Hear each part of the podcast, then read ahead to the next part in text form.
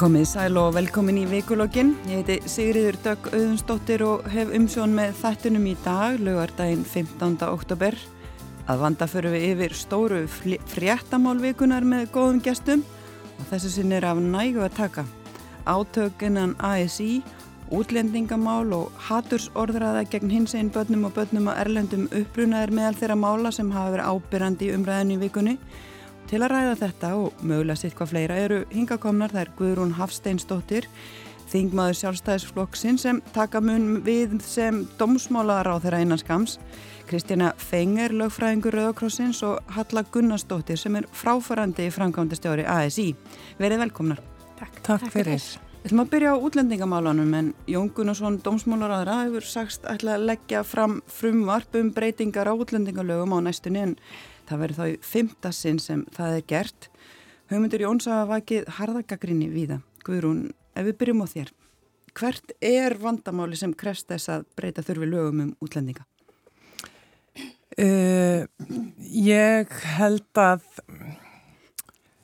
þetta snúist kannski fyrst og fremst til það að við erum hér og viljum öll vera að reyka gott samfélag og það er nú bara þannig að öll ríki heims eru með einhverja stefnu í útlýtingamálum, eitthvað kerfi og við sömu leiðis og við þurfum þetta að gæta að því að við tökum vel að móti því fólki sem er í neyð og þarf á vendahalda og uh, en á sama tíma viljum við líka uh, standa vörðum þetta kerfi þannig að það sé ekki misnotað og uh, ráð þeirra hefur talað fyrir því að, að honum finnst vera blikur á lofti að, að svo sé.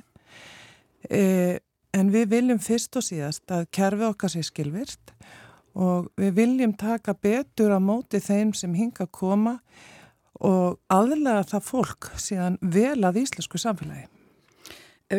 Tökum aðeins þessa punta sem þú nefnir uh, fyrst uh, varandi stefni í útlendingalögum. Þessi breyting á lögum er engin ný stefna. Við höfum enga stefni í útlendingalögum. Það hefði ekki verið næra að setja í rauninni stefnu um, um, um þessi mál frekar en að vera að breyta lögum. Að það er frekar umdelt um það hvort að þessi er í rauninni þörf. Sko við þurfum eiga stefnu. Við þurfum að setja okkur stefnu. En okkur erum við þá ekki að setja stefnu frekar en að breyta lögum? Já, hér hafa verið hópar að vinna því að, að kortleggja þetta umhverfi.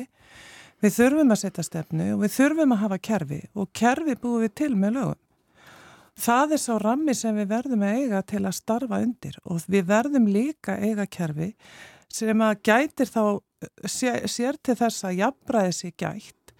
Þannig að hér fái fólk, það siti við sama borð og að það fái sangjarna og, og réttláta meðhundlinn þegar það henga kemur. Annars sem hún nefndir var að uh, þið viljið komið í veg fyrir að kerfið verði misnota að þú vísaði til þess að Jón hafi sagt að, sagt að það væri blikur á lofti í þeim efnum. Hvað áttu þá við? Uh, þeir útlendingar sem hafa verið að koma hinga og sækjum vendur fyrst og fremst frá teim, teimur löndum, mm. Ukrænu og Venezuela mm. og það eru fólk sem er Uh, á sannarlega rétt á, á, á, mm. uh, á því að koma hinga og sækja hinga hæli. Mm. Hvað áttu við þá þegar þú segir að kerfið sé misnota? Þá er ég nú fyrst og síðast að vísa til þess sem að til dæmis laurugliði völdi öðru löndum hafa verið að tala um og við veitum öll að því miður að þá eru aðlar að misnota sér aðstöðu fólks í veikri stöðu. Og, og það getur verið með glæpsamlega um hætti, það getur verið mannsal og svo framvegis og við viljum náttúrulega alls ekki að svo sé, heldur viljum við grýpa utanum þá hópa við vitum það til dæmis að á landamörum úgrænu hafa bara strax og, og, og fólk fór að flýja það land að þá uh, settu sig þar niður uh, já, kannski fulltrú að glæpa hópa í Evrópu í annarlegum tilgangi. Við vitum að börn hafa horfið Við veitum að konum hefur verið, hérna, já, þeim hefur verið vísaðir útur og, og engin veit hvað þetta fólk er niður komið. En það er lagabreitingar sem hafa verið kynntar. Hvernig koma þær til með að koma í veg fyrir að þetta gerist á landamærum uh, þriðja ríkis? Uh, eins og ég segi að þá, hérna, þá verðum við að gæta þess, við verðum að standa vörðum það kerfi sem að saminuðu þjóðurnar hafa uh, uh, á sínu tíma stóðu að um alþjóðlega vend fólks og í, í öllum kerfum, alveg sama hvað þau eru, að þá stíga oft og alltaf inn einstaklingar með einhverja annarlegar hugmyndir að baki til að misnota það kerfi. Við, það, er, það er hér í umræðinni að hingað hafi komið fólk og það þurfi að greiða síðan einhverjum aðlum fyrir að hafa komið hingað. En minna, er mér það ekki bara hluta flótamannumhandunum, Kristjana? Er þetta ekki bara það sem að öll lönd heims og ríki heims sem er að taka múti flótamannum er að uh, horfast í augu við og þetta eru leiðinar sem flótamenn er að fara og, og flýja neyð mm. með aðstóð óprútina aðila eins og, eins og mm. það er orðað. Já, þetta er áhugavert um, að hérna, ég ætlum svona að við bara fæði að byrja að eins á þessu með útlendingalögin að það eru þetta bara gríðarlega mikilvægt að það ríki almenn sátt um útlendingalög og um mm. útlendingastefnu og það er sátt um þau lög sem eru núna í gildi og hún, lögin eru sett 2017 og hefur heilt yfir staðist tímanstönn og er, var sett í þverrpolítísku og þverrfálegu samráði og, og hefur að, staðið af sér mjög ólíka sviðsmyndir. Um, það sem er verið að gera núna með þessu frumvarfi er aftur á móti skref tilbaka og það ríkir ekki sátt um það. Og það tekur ekki uh, á þeim vanda sem eru uppi núna varandi til dæmis búsetu flottafólks sem að hefur verið svo mikið umræðinni og það er ekki hægt að setja það upp sem einhverja átillu að vísa til ástandsinn sem er núna til dæmis varðandi sveitafélagin, varðandi fjöldahjálpastöð og annað uh, til þess að keira þetta frumvarp í gegn. Uh, það er hverki panik í þessu kerfi til dæmis varðandi málsmæðferina. Hún gengur vel það er til dæmis vegna, vegna ákverðuna stjórnvalda um að bjóða fólki hinga frá Ukrænu í svona hraðari málsmeðferð og síðan þessa skýru ákverðun kærnefndar útlendingamála um, um fólk sem kemur frá Venezuela. Þannig að málsmeðferðin gengur vel en aftur á móti að þá þurfum við að fara að skoða hvernig við ætlum að gera þetta varandi búsetuna. Fá skilvirkara þjættar aðnar þar, koma skilvirkara kerfi, veita sveitafélagunum betri stuðning og svo framvegs. Stjórnvöld hafa staðið sér mjög vel í því alveg hérna og vinnumálstofnun sem er nýkomið þetta í fangið bara stendur sér vel að koma fólki í húsnæði og svo framvegs og hérna þannig að og, og, og þessi, þessi umræða um uh, misnótkun á kerfinu og að fólk komi á fölsum, skilríkjum eða það séu sé smiklarar og svo framvegs. Um, það er svolítið mikilvægt að halda því til haga að það er í raun og veru, fólk kemur sér á staðin. Það er í neyð, það er ekki neyðar ástand hér, það er neyðar ástand þaðan sem að fólk er að koma. Um, og það er um, réttur fólks að koma til landsins með öllum ráðum í raun og þessi, varandi þessi fölsu skilríki að þá er það hérna uh, það er réttur sem er bara varin af flótamannsamningi saminuð þjóðana og fólki er reynilega bara ekki refsað ef það, ef það komist að því að, að, að, þú ert sannlega flótamæður að þá er þér ekki refsað fyrir að koma á þannan hátt. Og auðvitað eru, eru hérna, fólk mismunandi eins og það er margt. Og við veitum það að það er áskorun þegar við fáum svona mikið af fólki í fangið. En aftur á móti það væri það í þessu árferði sem við erum núna að það er, það er, eru átök í Európu og það veri mjög óeðlilegt að við værum ekki að sjá uh, aukningu í, í þessu málflokki og í raun og veru svolítið svona uh, það er ekki með tröstuðegjandi að ætla og að að við hefum nefnt það hér að það er ekki stefna í þessu málflokki að, að þegar koma fram áskornir eða aukin fjöldi að við ætlum að kúvenda lagabálkum eða málaflokkum. Af því að það er raun og veru, það er engin ástæða til. Þessi lög sem er, eða þetta frumvarp sem við verðum að leggja fram núna, þetta tekur ekki á þeim vandamálum sem við stöndum frammi fyrir akkurat núna. Sem er eins og segir uh, svona félagslegs eðlisfrekar en varðandi hvaða fólk má kominga. Eh, hvernig á að finna húsnaði fyrir þetta fólk og dvalastað og sveita félögin hvernig þau geta stuttið baki á, á, á flóta fólki þegar það er komið uh, lengra í kerfunu, er ekki það sem vorstu að... Jú, það er það sem ég er um? að vísa til og, hérna, og í stóra samminginu þá er þetta í raun og veru ekki gríðalegu fjöldi. Það eru 80 miljón manns á flóta í öllum heiminum. Við fáum 1,5 miljón af ferðamönnum í gegnum landi á hverju ári. Við höfum fengið hérna, 20.000 manna sem að hérna, setjast hér að í gegnum EES og svo framvegis.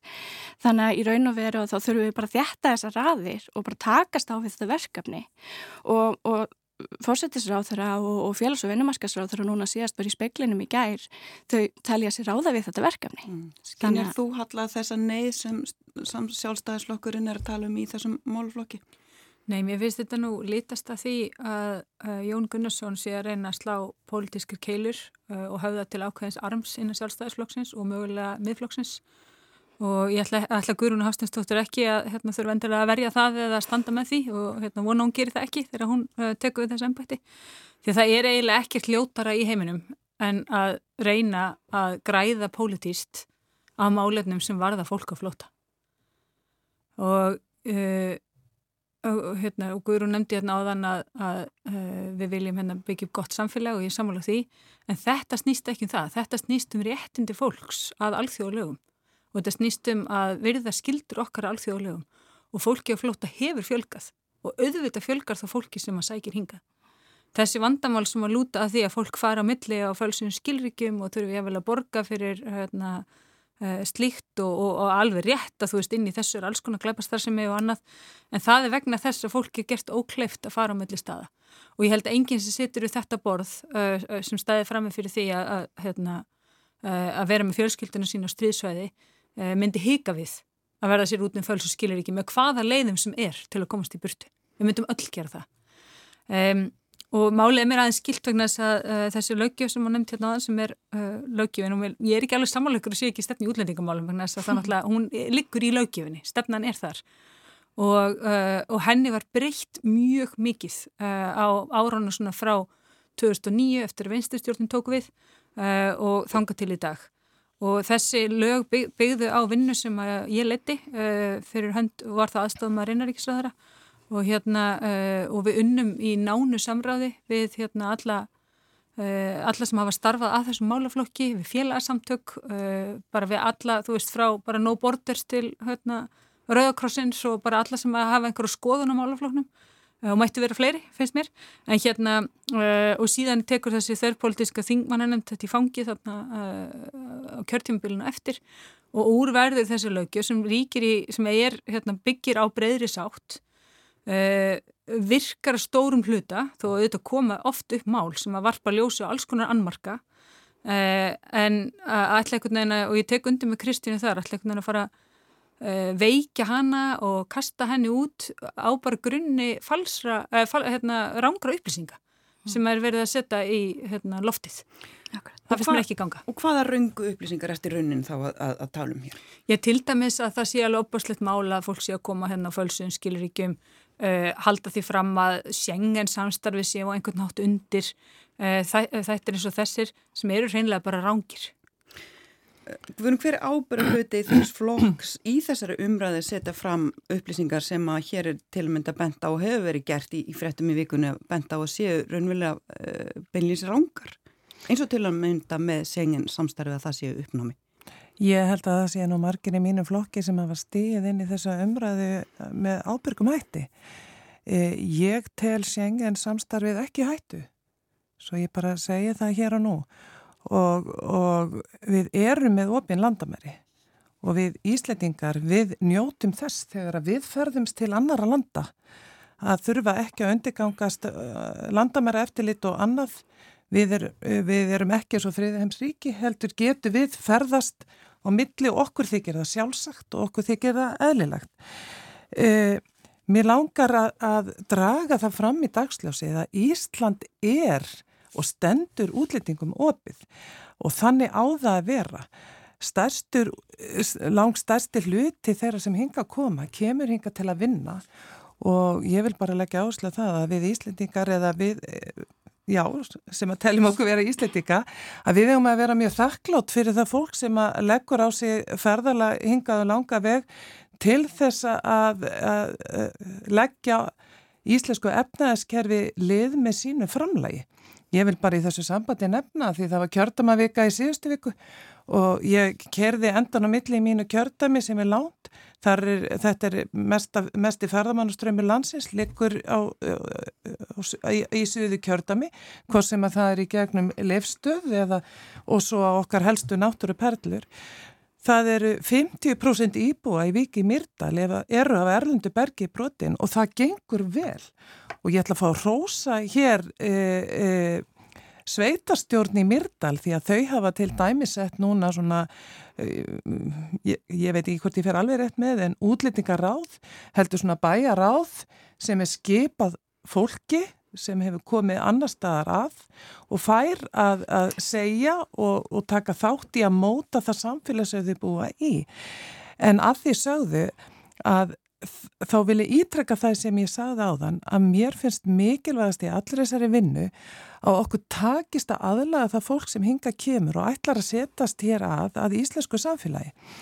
Og ég held að við séum frekar aftarlega hvað það var það miða við Norðurlöndin Og þá í því sambandi við getum við ekkert litið fram hjá uh, heilbriðskerfinu, mentakerfinu, skólakerfinu, félagslegakerfinu, húsnæðiskerfinu og akkurat núna þegar við erum auðvitað í, í hérna, aðstæðum vegna strís í Evrópu sem við höfum ekki séð í ára tíi og við tókum meðvitað ákverðinum að bjóða það fólk hinga til okkar að þá reynir að sjálfsögða á þess að innviði. Alltaf, og ég held að orðræða sjálfstæðismanna hafi verið þá átt að Og það er hlutverk okkar stjórnmálamanna að sjá til þess að það brotni ekki á okkar innviðum. Allt sem þú nefnir hér er einmitt uh, tengist allt öðru málaflokki heldur en Jón Gunnarsson fer fyrir núna og það er lagabreitingar sem hafa verið kynntar ná utanum. Uh, neyðin sem þú talar um eða, eða uh, þessi skilvirkni í kerfinu, búsetta, þjónusta, mm. taka móti mm. fólki, það lagast ekki með þeim breytingum og þeim lögum sem er nú núna er verið, er verið að kynna heldur var að það engungu hverjir fá að koma til landsins hvernig er tekið á umsóknum mm. og því um líku mm. finnst þeir ekki svolítið verið að blanda saman vísvitandi eða óvísvitandi þessari umræðum hver, hvaða löggilda um hvaða fólk getur sótt hér um hæli og, og vernd annars vegar og hins vegar fólki sem er komið vend og hvernig við getum uh, þjónusta það betur og hjálpaðum betur að aðlagast í íslensku samfélagi. Er þið ekki að gröta saman þessu tönnu? Nei, ég held ekki, er þetta ekki, þú getur ekki tekið annað, eða þú veist, tekið þetta úr sambandi. Eh, þegar að fjölgar eins og við finnum fyrir núna og við bara Ég verð nú bara að segja eins og í Reykjanes bæ, þar sem ég er þingmaður, að, að það reynir auðvitað á þegar að koma 20, 30, 40 börn í viðbót í skólan eða í leikskólan og við höfum nú bara verið að ströggla í nokkuð mörg ár hér, sérstaklega, já, nú er staðan þannig út um allt land en sérstaklega kannski hér á höfuborgarsvæðinu varðandi húsnæði og við verðum að geta tryggt fólki sem hinga kemur mannsamandi húsnæði. En Guðrún, þú, sko, þú segir ekki við fólk sem eru leita alþjóðlega vernd og rétt á henni, samkvæmt alþjóðalögum sem eru að flýja ofsóknir og ofbeldi Eh, nei, þú verður að, hérna, mátt ekki koma henni inn vegna þess að ég er ekki vissum að við séum tilbúin með hérna leikskóliplás fyrir þig. Veist, þetta, veist, þetta er að gröita saman. Mm. En þess að fólk á réttindi, samkvæmt alþjóðu lögum og það er að nýta sér þau réttindi, þetta er réttindi sem við viljum ekki að fara hérna, út í veður og vind. Við myndum vilja hafa þau ef við varum þessari sömu stöðu þetta fólk. Eh, þannig að við viljum standa vörðum það kerfi fyrir utan auðvitað hvað lítil ríki er mikið undir alþjóðlega sem funkara. Svo er hitt svolítið annar mál og, veist, og það er uh, hinn parturinn útlendingalónum sem lúta bara að dölu aðtunum hverju með að koma hér og setja stað á okkur að forsendum. Það er kannski umræða sem að uh, við náum sjaldan utanum uh, en, en mér finnst það vera svona svolítið önnur umræða. Mm. Og þetta er auðvitað sko, það, ef ég má aðeins blanda mér inn í að, að það er óeðlegt að breyta lögum og kerfum eftir því hversu margir koma Við tölum um að við metum málinn á mm. faglegum grundvelli mm. og eftir mælikvörðum eftir því hvernig uh, ástandi er í þeim ríkjum sem þau koma frá. Þannig að það er mjög pólitíst og mjög hættulegt í raun að fara ætla að skerða og loka landamærum eða skerða á eitthvað hátt bara vegna þess að fjöldin er meiri heldur en við byggumst við. um, ráð þeirra hefur svolítið talað um þetta og, og ég er algjörlega sammála því að það er verið að gröita saman hér. Um, þetta bara liggur hreinlega bara ekki undir hans ráðuneyti. Um, og það líka svolítið sárt þegar það verið að taka hóp út, út fyrir svega þar sem að dómsmálar á það verið til dæmis bara reynilega að vera ósamála sinni eigin stjórnsýslu stopnun útlengastofnun að kærnandi útlengamála um hvernig er farið með uh, umsóknir fólks frá Venezuela uh, það, og einhvern veginn alltaf að vera að tala um þetta að, að það er frekar að beina fólki inn í, inn í hérna, ferli dvalar og atvinnuleifa um, þau sem koma hinga til lands eru að sjálfsögðu uh, sko, það er kannski ákveðin meðskilningur um hvað fælst í alþjóðleiri vend af því að það er í raun og veru vendin þetta er ekki lögregluvend eða eitthvað skonar annars konar vend hún fælst í því að fá að vera hér. Og í dvalarleifum um, sem að flóttafólk fær til fjögur ára eru, er, er leifið þeirra til þess að vera og leifið þeirra til þess að vinna. Og langt flestir ef ekki allir vilja að leggja sér þetta mörgum að vinna fyrir sér og sinni fjölskyldu og það liggur algjörlega fyrir að við þurfum þetta fólk. Og á sama tíma eru, eru aðrir á þeirra að tala um að bjóða sérfræðinga hinga til lands og svo framvegis en getur ekki verið að innan þessa rúmlega 3000 manna hóps séu sérfræðingar Algjörlega. Um, Þannig að þetta er, það er verið að grauta saman og, og bara það er ótrúlega leiðilegt að einhvern veginn upplifa ránkvæslur í þessu. Og kannski ég nefni það, ég, ég fór ekki alveg nú vel inn á það áðan að, hérna, þegar verið að tala um þessi fölsu skilriki að uh, síðan er verið að gröita því saman að, þeir, að, að fólk frá Venezuela sé að koma með fölsu skilriki þegar það er í raun og veru að sírlenskum uppruna Staðrindin er svo að, að um, Venezuela hefur í mörg, mörg, mörg ár verið mjög stórt samfélag sírlandinga og tengst Sýrlands og Venezuela hefur verið mjög mikil í gegnum marga áratví og þetta fólk er með tvöfalt ríkisvang. Og ég veit ekki um ykkur en ég þarf að greiða fyrir mitt vegabref og ég fæ mér oft, ég, ég hef þurft að fá mér vegabref rétt áður en ég fer til útlanda. Þannig að það er ekki óeðlegt að þetta fólk uh, nýtir sér sinn tvöfaldar ríkisborgar rétt og fái sér venezuelst vegabref sem þá sannlega rétt á af því að það hefur betri tækifæri til þess að ferðast hinga til lands á þeim vegabref. Þetta eru ekki albanir að þykjast vera Venezuela búar. Þetta, þetta segir eru... líka mjög mikið um sko viðhorfið til sírlendinga eins og, eins og það sé bara eitthvað rosalega... En það hefur algjörlega glemst ástandið mis, þar. Misnótkun og kerfinu að vera frá Sýrlandi og ætla að reyna að fá vend einhver staðar. En við meðan heldur ekki blanda ekki saman sko mununum á flótabönnum og hælisleitundum þar sem að, að sko flótamenn uppfylla ákveðin alþjóðli skilirði mm -hmm til að vera skilgreyndir sem slíkir og, og, og, og skilgreyndir þannig að þið þurfi vernd á meðan að hælisleitundi sem koma, koma flestir hingað á eigin vegum og, og ég, ég hygg að þeir koma margvíslegum forsendum og séu ekki allir að flýja ógn. Eh, ég ætla bara rétt að fá að hoppa hérna inn hælisleitundur eða það sem við köllum samkvæmt núgildandi lögum eh, umsækjendur um alþjóðlega vend. Þú þarfst að vera það áður en að þú færð flóttamanna statusinn þinn viðkendan. Fyrst ertu hælisleitundi eða umsækjendum alþjóðlega vend og síðan meta stjórnvöld hvort að þú uppfyllir þessi skiliði og það er að sjálfsögðu gert. Og það fá ekki allir hér að vera. Mm. en aftur á móti er, er samsetningin eins og hún er núna. Við erum með fólk frá Úkrænu, Venezuela, Palestínu. Þetta er allt fólk sem við höfum ákveðið að megi fá að vera hér. Og þegar að einhvern veginn í þriðja eða fjórðaskipti sem að þetta frummarp er lagt fram á dómsmálar á þeirra þá telur hann vera mikinn vanda á höndum vegna þess að fólk er að koma hinga til dæmis frá Greiklandi og Ungverlandi og frá öðrum ríkjum þar sem fólk hefur fengið svo kallega vend á pappir annar staðar. Um, Þetta eru 3% af umsóknum í dag. Þannig að þetta er ekki vandamál. Í dag og ekki eitthvað sem ætti að vera svona mikið forgangsmál að leysa. Þannig að þetta er í raun og veru svolítið upplaup að tala um þetta með þessum hætti og ekki mjög ábyrst að mínu viti.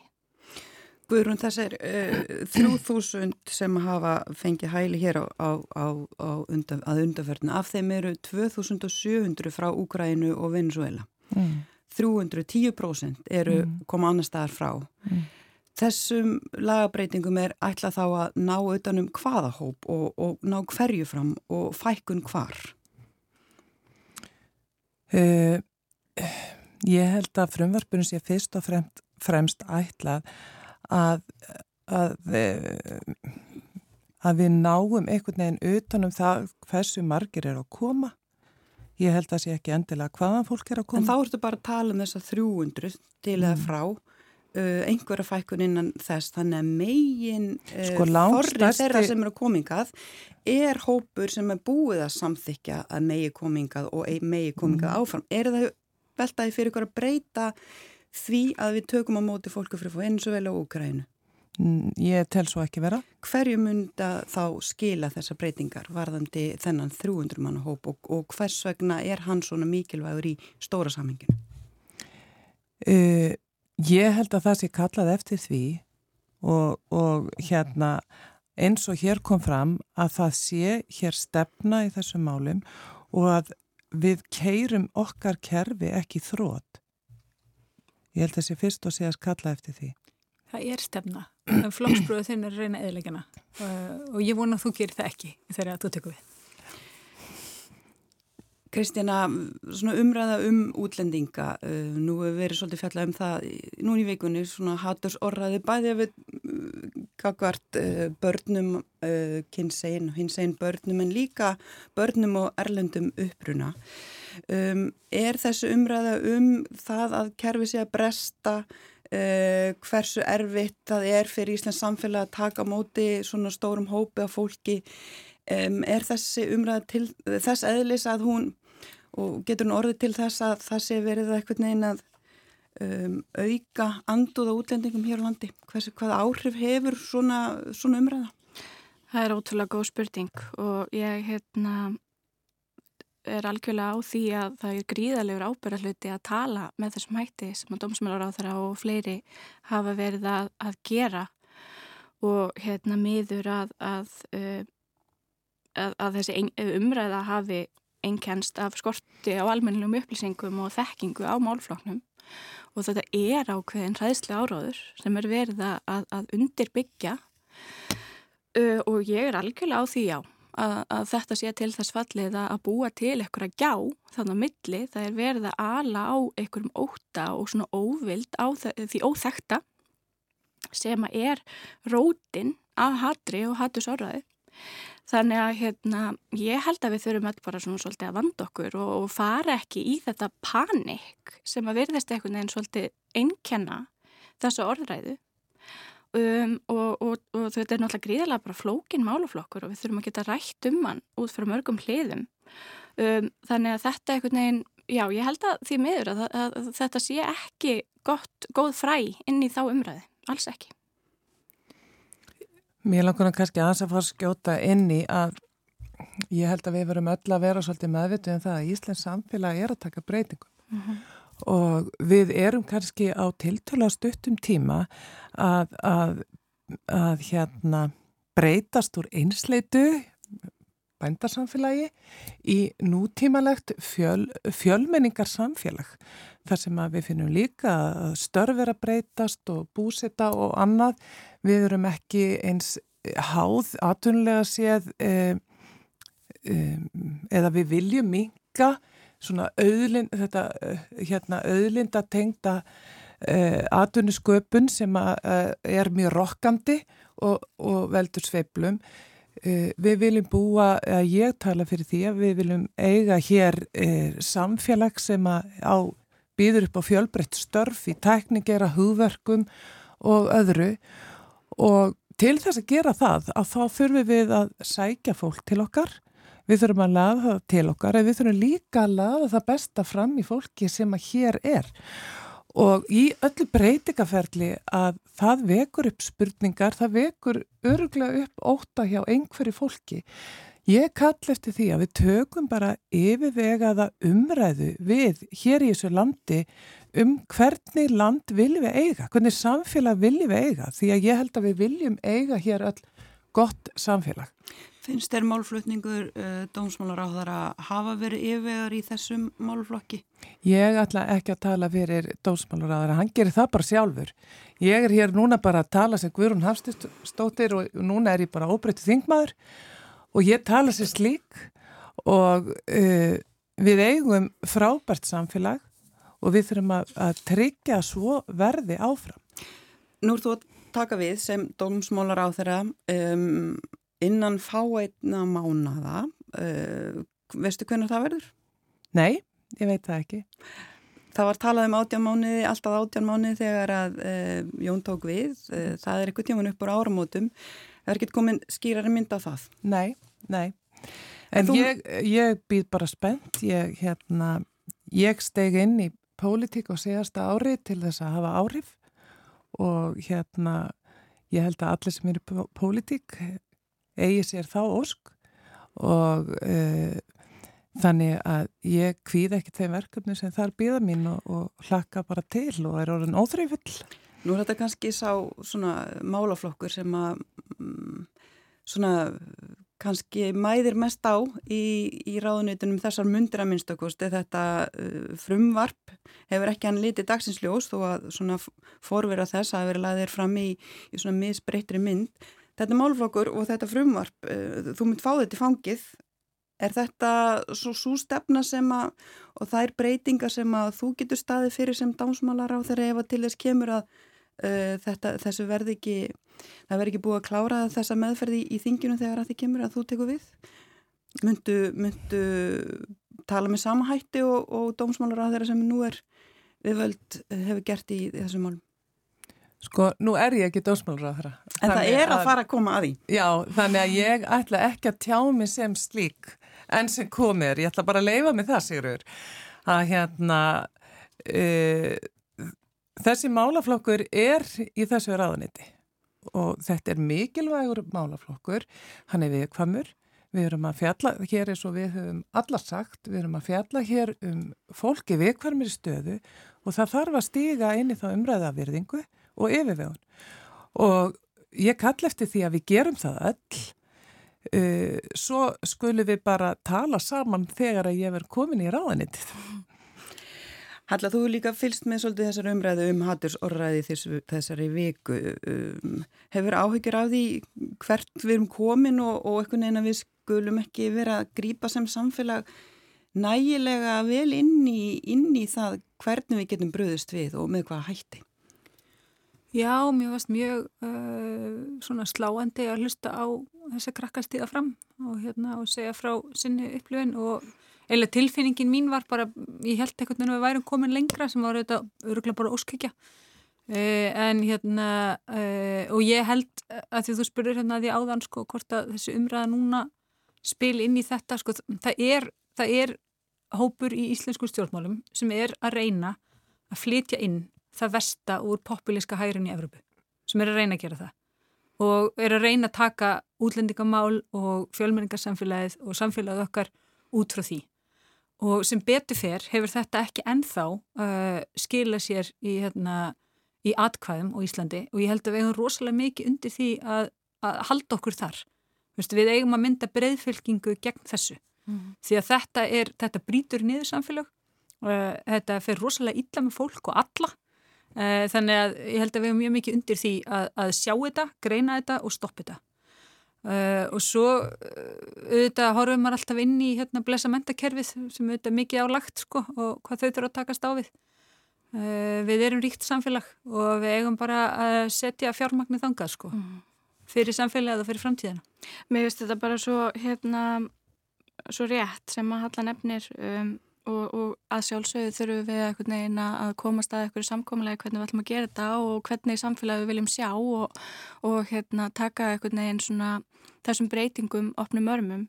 Um, Halla hefur nefnt að hérna áður að við erum vissulega aðilar að hennum ymsu alþjóðlegu samningum til dæmis eins og flótamannarsamningi saminuði þjóðana og það er kannski rétt hreinlega bara að nefna mannréttinda yfirlýsingu saminuði þjóðana í þessu samingi þar sem að réttur fólks til að koma og sækja um vend og, og hérna og svo framvegis að fá að koma til ríkis um, með því að takmarka gríðarlega aðgengi bara vegna þess að við teljum okkur ekki ráða við eða, eða eitthvað slíkt verðum að raunin að, grafa undan henni þessari mannreitnda yfirlýsingu og hún er svona grunnstóð í mannreitndakerfin okkar í dag og svona leikreglur í þessari mannreitndavend heimsins og hérna veist, það, það ríkir friður hér og við erum með sterka innviði og sterk sveitafélag og, og við ættum að geta svo ótrúlega auðveldlega tekið höndum saman og leist þetta verkefni farsalega um, í stað þess að fara í þessa orðræðu sem við erum að sjá.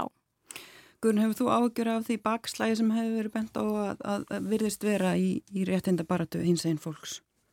Já, ég hef greiðarlega miklar ágjör af því en áður en ég kemur því langar með aðeins að svara höllu því að mér fannst hún ölliti í að því að flokkurinn minn, sjálfstæðsflokkurinn, að hann var í einhverju populískri hérna, vegferði eins og að hægri flokkar í Evrópu, ég hafna því fólk, fólk innan hans. Já, ég hafna því bara algjörlega því að sjálfstæðsflokkurinn er allt annað en populísku flokkur.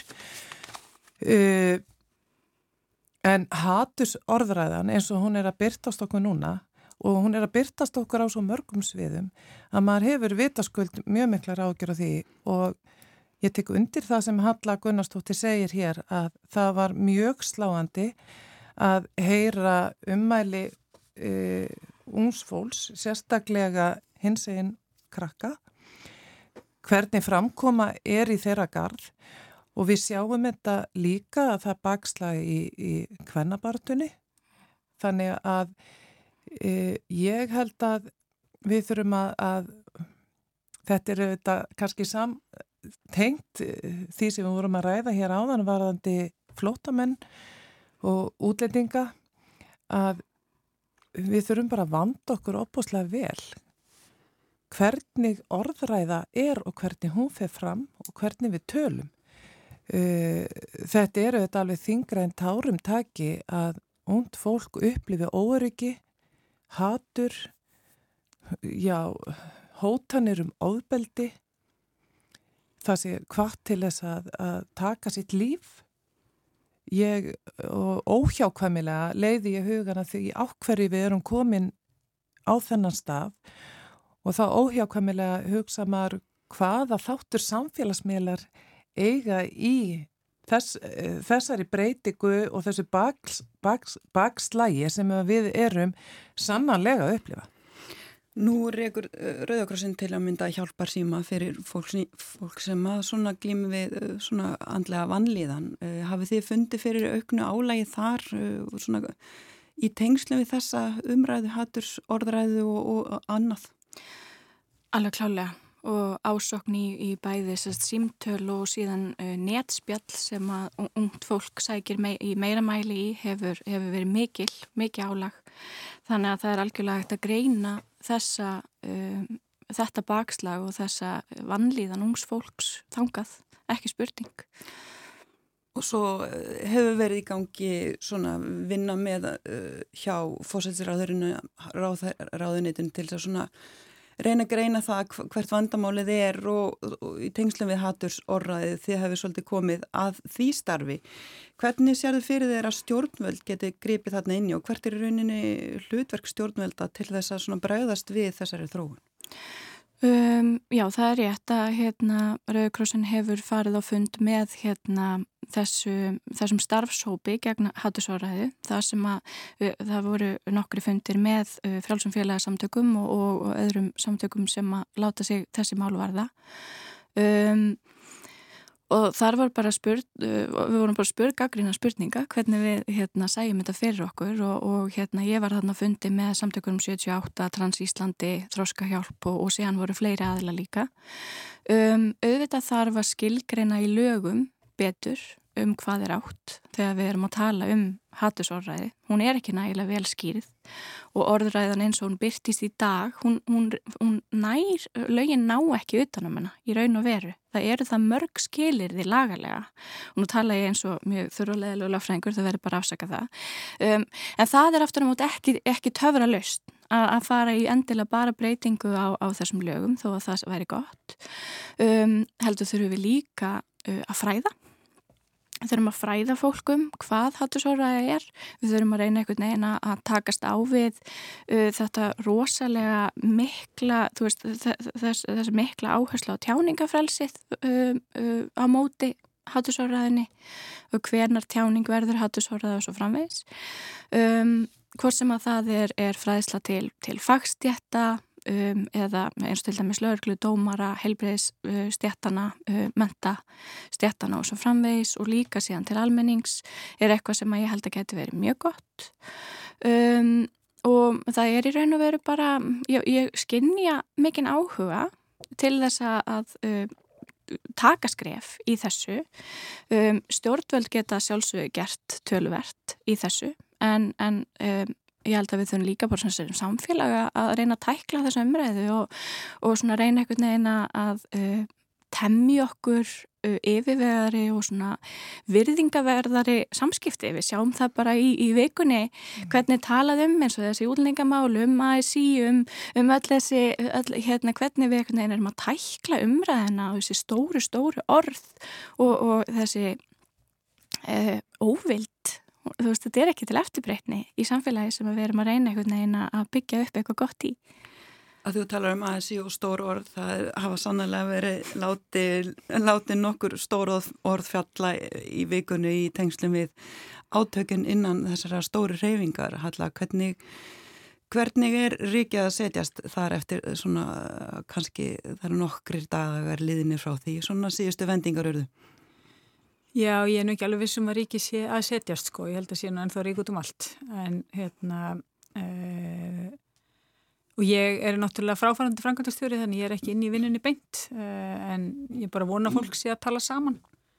Um, það sem við sáum hérna á þingin í vikunni var auðvitað aldrei svona endur teki efni innan reyfingarinnar uh, það að svona hafa uppi stór orð og storma út og hótanir og hérna annars líkt er eitthvað sem hefur verið viðlóðandi síðustu svona árin.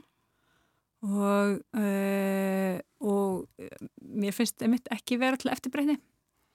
Um, það sem að sko verist, svona, það sem mér finnst hafa gæst þarna eins og ég sé þetta þá uh, var náttúrulega búið að var Ragnar Þór Ingólfsson form af aðferð og frambjöðandi til fórsetta að þessi búin að segja fyrir þingið að uh, uh, hann liti svo á að annarkort ættu allir svona saminast að baki húnum og þeim öllum eða þá að uh, það væri ástæða til að sundur hrefingunni og uh, hann saði þetta með svona mis, mismunandi orðum nokkuð oft. Þannig að þýlitinu til hefði kannski ekki átt að koma hann óvart til að byrja að teiknast upp svona mynda að, að kannski væri þau ekki öll örug með sín ennbætti að það skildi þá vera hans val miðst auðvitað miður, hann var með að ég hendi sér að verða fórseti alltíðisambandsins uh, eh, að öllin líkindum, svona leit út fyrir það uh, en ákvað frekar að ganga frá borði með miklum svona yfirlýsing um ASI um, og þetta er náttúrulega, þú veist, nokkuð sem við höfum síðan svolítið oft uh, og ítrekkað mér þykir auðvitað vantum alltíðisambandið og mér finnst að ef að þá að splundra því upp og gera það óstarfaft sem er svona hluta tilverið að reyna að gera að þá þurfur það að vera ásöldu sterkum fórsöndum og ég get ekki séð að þær séu fyrir hendi núna. Nú hefur þessi hópur sem að uh, þarna gekk út og hefur líst í yfir að uh, þau séu að skoða það að draga sig út úr aðeins í aðra skoðanur á því uh, segja það sémálafnanlegur grundöllur fyrir þeirra ákvörðunum. Hvað, hvað í rauninni uh, þýðir það fyrir það sem er framundan eins og í kjara viðræðum og annað að, að ástandið sé með þessum hætti?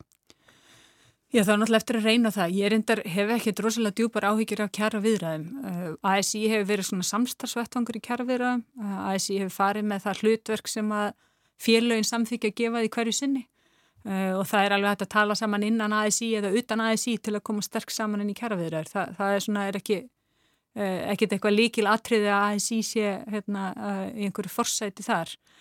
Eh, en það er ekkert auðvelt að gangur ASI það, það, það, eru félagar hérna, stjættafélagana sem ákveða það. Og það þarf að efna til allsæri atkvæðagreyslu millir félagsmanna. Og það eru tveir þriðir hlutar sem þurfa að samþykja það. Og þess vegna hef ég nú sagt að boltin er svolítið hjá félagsfólki, eblingar annarsvegar og, og vaffer hinsvegar að meta hvort að þau telji þetta vera réttu vagferðina eða ekki sem félagsmaður var færð þá til ég svo ekki vera. Uh, og ég er endur ekkit á þeirri skoðun að ASI þurfu eitthvað að lifa allt og allt. En, en ef að það á splundra því þetta eru 100 ára gömul samtök sem að ég á opbóslega stóran þátti því að byggja upp þessi lífskeiði sem við búum við hana þá finnst mér þurfa að vera mjög svona málgnarlegar og góðar fórsöndu fyrir því. Og ég sé þær ekki í þessu upplöpi og þessi svona stór yrði og, uh, og þessi sko hugmyndum og allir sem eru á einhver annari skoðun séu bara eitthvað yfirst þetta fólk að menta eilita eða veruleika fyrst eða ekki þess verðugt að, að tala í nafni launafólks eða verkafólks. Veist, ég skil ekki alveg hvaða myndi verið að reyna að teikna upp og hvernig samfélagi er verið að reyna að búa til. Tveir þriðir hlutar launafólks á Íslandi eru í, uh, félagar í félagum alltíðarsambatsins uh, það er auðvitað inni er opasli breytt það eru hérna, uh, þú veist, það er fólk með hálaun og lálaun og, hérna, og í alls konar aðstæðu, eigna fólk og ekki eigna fólk en við eigum hins vegar mjög ríka, sterka sameinlega hagsmunni gegn sérhagsmununum á Íslandi. Og þetta hefur svona verið svolítið líka leiðastefið í því hjá þeim sem hafa verið að reyna að byggja upp uh, bæði verkefælisreifingu og kannski einhverja vinstrirreifingu í öðrum löndum. Uh, þú veist, það er við uh, hinn mörgu gegn hennu fáu, það er við Berni Sanders aðeins nú 99% hann gekk svo langt, ég veit ekki alveg hvort það við á Íslandi, en kannski 80-90% gegn sérhagsmununum og þetta er svona svo baráta sem hefur verið rekin innan aðeins í og, og mér finnst það þurfa að vera það áfram. Samlega því að þetta þurfa félög og, hérna, og landsambönd félaga sem eru með ólika hagsmun að berjast fyrir hagsmunum sinna umbyrðenda og þetta hef ég verið þeirra skoðunar við eigum að búa til breyðasátt um, uh, um að lifta legstu tökihópunum og, og taka á uh, fátækt bæði þeirra sem vinna og þeirra sem ekki vinna á Íslandi. Því að við búum ennþá við það að, að vinnandi fólk er bara einu veikindum frá fátækt, það er bara einni bylari uppþóttu vel frá því að geta ekki stafið skuldbindingarna næstu mánuðamot uh, og þarna finnst mér svona baráttan í að vera. Guðrun, hvernig horfir þetta við þér? Þessi staða sem upp er komin í ASI svona gagvart bara íslensku vinnumarkaði og, og, og svona uh, stöðu launafólks.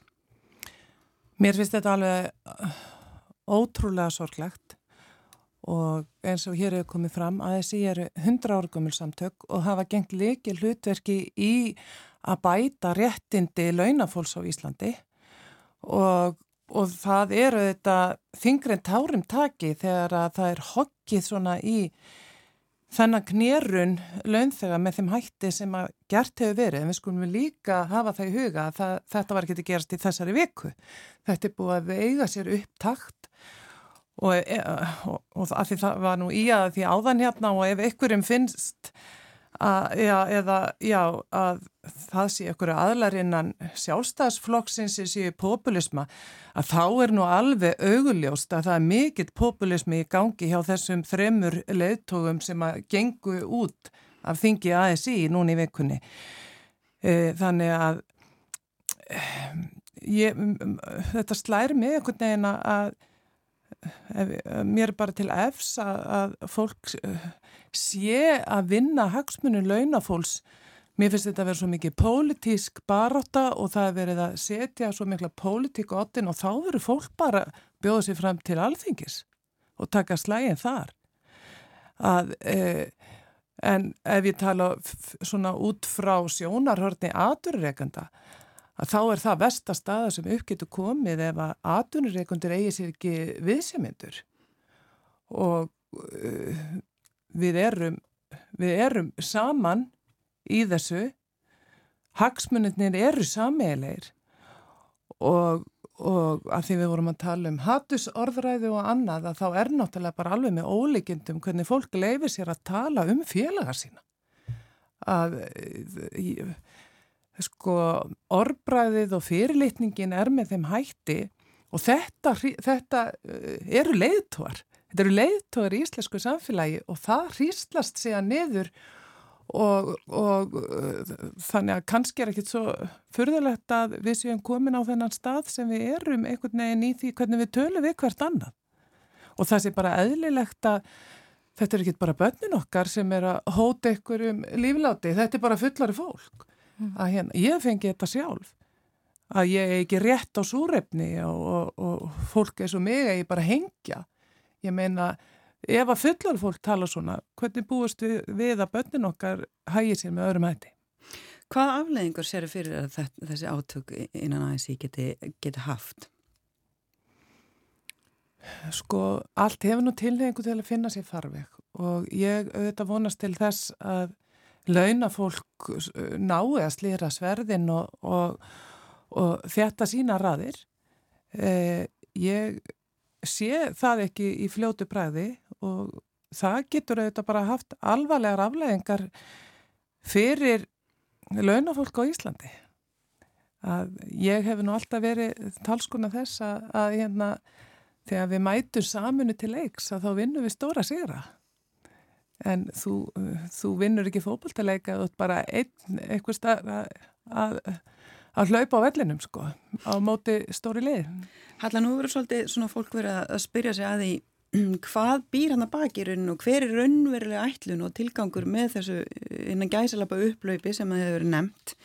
Það er ekkert útsið með það eins og bendur að það er ekkert auðvelt að ganga á aðeins í hvað ef bara Vaffer segir nei og Ebling segir já og uh, held, halda þá bara deilunar áfram?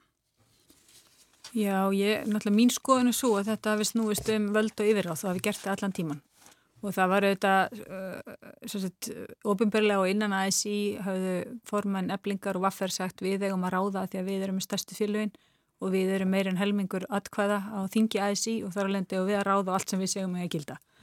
Uh, svo náttúrulega var komið inn á þinga ASI þar sem allir eru sínir eigin fulltrúar uh, og þá voru línunnar ekkert svona skýrar og þetta er risastór líðræðislega reyfing uh, þó að þú veist að fjalla um líðræðinu verkefælisreyfingarinn er í öðrum pisli en, hérna, uh, en þetta er reyfing sem er með ákveðna strúttura til að taka ákvarðanir. Uh, og það var bara ekki viljið til að fara eftir þeim og leifa þinginu að segja sína skoðun. Hvað gerist næst veit ég ekki, ég held að geti vel teiknast upp svo staða sem þú nefnir að, að, að ebling eitthvað nefn leggja stað út úr aðeins í Ég tel ekki að Vaffer gera það eh, en auðvitað, minna, það er alveg frjálst fyrir forman Vaffer að láta á það reyna ef hann fær stjórn og félagsvund með sér í þá vegferð eh, að láta það reyna og efna til þessar atkvæðakarislu og þá getur við líka bara tekið þessu umræðu ofnbælega. Það sem þarf að hætta er þessi hugmyndum að forma að Vaffer geti hérna dagstæðilega veifað uh, peningum okkar félagsmanna Vaffer til þess að hérna, skipa öðrum að, að gera það sem honi finnst verið rétt. Eh, eða fylgja sér baki, baki honum. Eh, því að það er bara svona einhver hótana pólitík sem er opbáslega þreytandi, eh, hefur að hluta til gert bara alþjóðsambandi erfitt fyrir að gera drífi snædal mjög erfitt fyrir að starfa sem fórseta þessi. Og svo fór hún og þá heldur kannski einhverjir að, að lífið er gott og, og hérna, hún hefði verið vandamálið en það eru auðvitað bara algjörlega búið kristallast að, að hún sem manneski á einstaklingur var ekki vandamálið. Vandamálinn liggi einhver strannastar Uh, og mér finnst þurfa bara að fjallin um þau. En ég bara kalla eftir því, ef að félug vilja fara út úr aðeins í, uh, þá skulum við bara fara inn í það samtal. Veifa peningum, uh, hvað áttu nákvæmlega við með því? Það hótan er um að ganga út úr Já, það eru svona, og það, það verður gert alveg ofinbyrlega, sko, bara tala um hversu mikla peninga Vaffer setur í aðeins í eins og hann sé að setja þá peninga sjálfur. Staðrindin er svo að þeir koma frá okkur öllum. Þeir eru ætlaðir til okkar sameilu baratu Við getum aldrei langa ræðum þá samveglu barðu sem ASI háir fyrir allt launafólk á Íslandi og í, fyrir almenning á Íslandi og þeir peningar fara í það uh, og það er ekki einhver skiptiment fyrir hann til þess að segja, uh, til þess að vinna sínu máli stuðning. Mér langar bara að minna það að Ragnar Þór Ingólfsson að hann hefur nú gert það áður þegar að fólk hefur ekki hlýtt hans skipunum að þá hefur hann bara rekið alla stjórnamenn vaffir til dæmis úr einum stjórn eins lífyrsjós og þótti það bara í lagi af því að, að honum þótti þeir stjórnamenn ekki vera nógu hlinir. En svona þú ljókum, ljókum þessu kannski aðeins og léttara nóturum, er, er það mjög plön fyrir restina helginni? Já, heldur betur. Ég er að fara á ásatiði kvöld með mínu fólki í Kjörís í hveragerði og svo ætla ég að reyna að kíkja á landbúnaðarsýninguna og heimsækja sýsti mína sem að var að fjárfesta í sumarhúsi í Hrunamannarreppi þar sem að hún er nýr sveitastjóri og ég ætla að taka bóð á henni, kíkja á hana. Halla?